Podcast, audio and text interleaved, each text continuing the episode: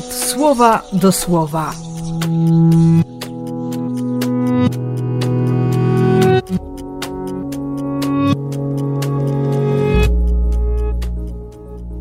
Czwarty lutego, sobota.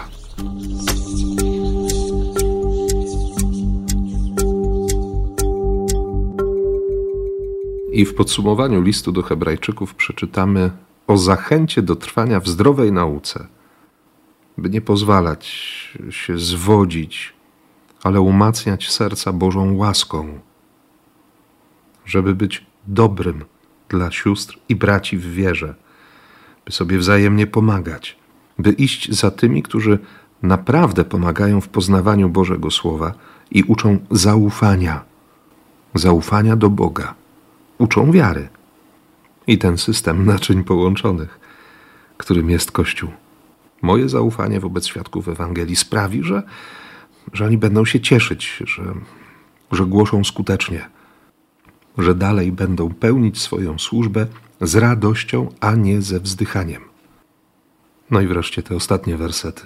Módlcie się też za nas, byśmy, dbając o zdrowe sumienie, trwali w tym, co jest piękne w Bożych oczach żebyśmy byli doskonali w zdolności pełnienia wszelkiego dobra, wszystkiego, co się Bogu podoba, aby Jego wola realizowała się w nas, jak zrealizowała się w Jezusie Chrystusie.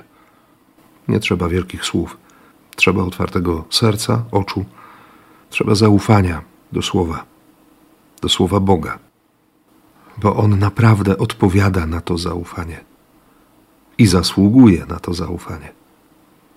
Nawet ta dzisiejsza Ewangelia. Nie?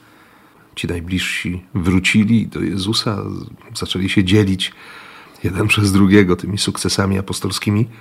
Zdali mu relacje ze wszystkiego, czego nauczali i co czynili. I wtedy Jezus mówi: To się usuńmy gdzieś na ubocze, by nieco odpocząć. Ale nie było im dane. I wtedy wyrazem miłosierdzia, sposobem na okazanie litości, było na nowo dawanie słowa. Naprawdę Bóg daje słowo. Jest wiarygodny. O czym się przecież przekonaliśmy już nieraz. Więc życzę Ci dziś otwarcia serca na słowo i stania się powodem radości i uśmiechu dla tych, z którymi żyjesz, dla których jesteś świadkiem Ewangelii. Niech Cię dziś niesie łaska w imię Ojca i Syna i Ducha Świętego. Amen.